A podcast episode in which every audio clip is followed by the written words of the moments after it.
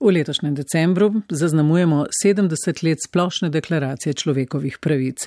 Ta dokument, ki so ga vlade pod utisom grozot druge svetovne vojne uspele sprejeti v izjemno kratkem času, le treh letih, je spremenil življenja po vsem svetu. Kljub temu smo še vedno priče zlorabam človekovih pravic. Rajka Prvanje. Moje, tvoje.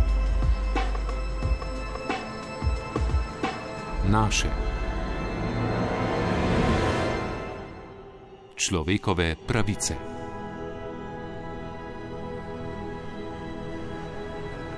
Splošna deklaracija človekovih pravic je sama po sebi pravno nezavezujoč dokument, vendar je svojim vplivom, na podlagi katerega sta nastala dva zelo pomembna mednarodna in zavezujoča dokumenta, to je Mednarodni pakt o državljanskih in političnih pravicah ter Mednarodna konvencija o ekonomskih, socialnih in kulturnih svoboščinah, s katerima skupaj tvorijo listino človekovih pravic, postala temelj za vso nadaljno kodifikacijo človekovih pravic. Poleg tega so človekove pravice iz splošne deklaracije postale sestavni del številnih mednarodnih dokumentov, konvencij, deklaracij in tudi sodobnih nacionalnih ustav. Posledica tega je, da je prej nezavezujoč dokument postal del mednarodnega prava. Človekove pravice kljub temu po 70 letih še niso v celoti uresničene, zato si je treba nenehno prizadevati za uresničevanje deklaracije in za ponotranjenje njenih določil v družbi, kjer lahko veliko storimo tudi posamezniki. Metka Škoflice. Mislim, da vsak sam lahko naredi največ v čisto vsakodnevnih situacijah, ne vem, v trgovini, na avtobusu, da se obnaša pač eh, v skladu recimo, z zlatim pravilom etike, to se pravi, ne počni drugemu nečesa, kar sam nočeš, da drugi počnejo tebi. Ali ja še skranja? Čisto preprosto, da se vsak posameznik drži teh človekovih pravic in da ne posega v pravice drugih, pa spoštuje svoje lastne. Pač. Ana iz Ljubljane. Vedno je fajn, da se ozavešča ljudi in da se čim več to, da se množično začne dogajati, da se začnejo dogajati protesti, da se začnejo dogajati, um, ja, da smo ljudje glasni.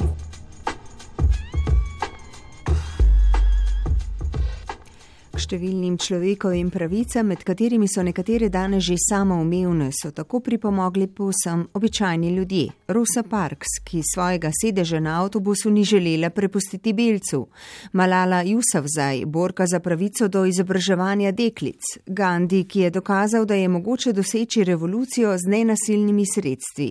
Britanske sufražetke, ki so se bojevale za volivno in druge pravice žensk.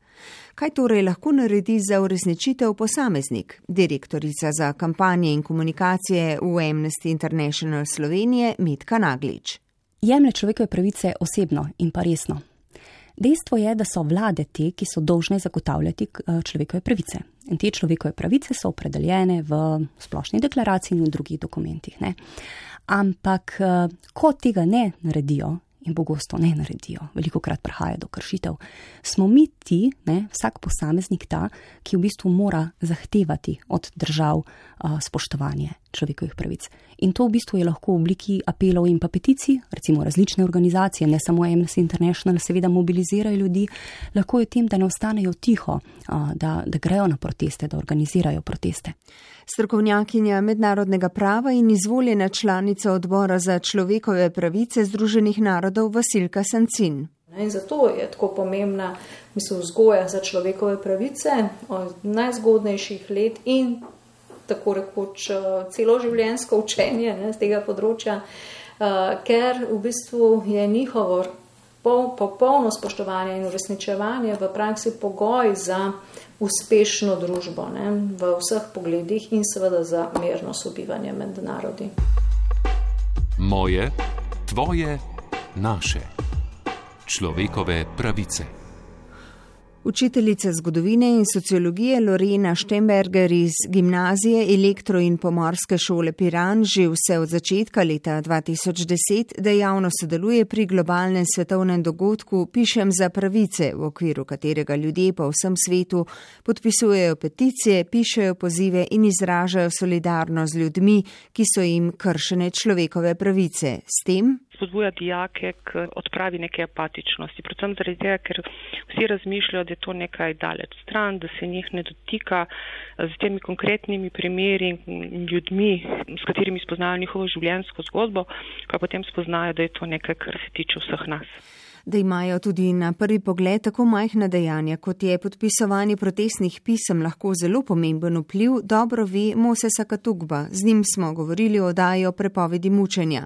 Več tisoč pisem ljudi z vsega sveta v njegovo podporo je vplivalo ali vsaj pripomoglo k temu, da so ga nigerijske oblasti pomilostile obsodbe na smrt, potem ko je kot mladoleten ukradel tri mobilne telefone in kaj o prihodnosti človekovih pravic menijo nekateri drugi angažirani na tem področju, slovenski reper, bloger in kolumnist Miha Blažič. Nisem pretirano optimističen. Mislim, da mednarodne organizacije, ki so za to zadolžene, da se te pravice na nek način spoštujejo in uveljavljajo, eh, imajo vse manj moči dejansko prevladujejo ekonomski interesi vele sil, ki kadarkoli lahko mednarodno sodišče in tako naprej pač enostavno povozijo.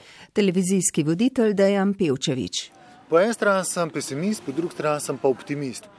Človekove pravice je absolutno treba braniti in jih je treba ščititi. In očitno bomo morali vse te pravice, ki smo jih že imeli, tudi v prejšnji državi, pa po drugi svetovni vojni, jih bomo mogli spet si nazaj pridobiti, ker se mi zdi, da ta sistem vse te pravice samo še jemlje, jemlje, jemlje. Igralec Branko Završan. Optimist, ampak uh, istočasno se pa bojim, da gre za, za eno veliko iluzijo. No. Bojim se tega uh, primarnega človeškega instinkta, profitirati, izrabiti, sovražiti. Tega me ima strah, ampak bodva optimista. Človekove pravice so del vseh pomembnih problemov: nasilja, revščine, globalizacije, okolja, gospodarske neenakosti, nezakonitosti, vojen in konfliktov. So torej del našega vsakdana, vendar se njihovega pomena zavemo šele, ko so nam kršene. Ob 70-letnici splošne deklaracije človekovih pravic na prvem Izraelko Pervanje in Amnesty International Slovenije. Tonska izvedba Mikes Vjekoslav.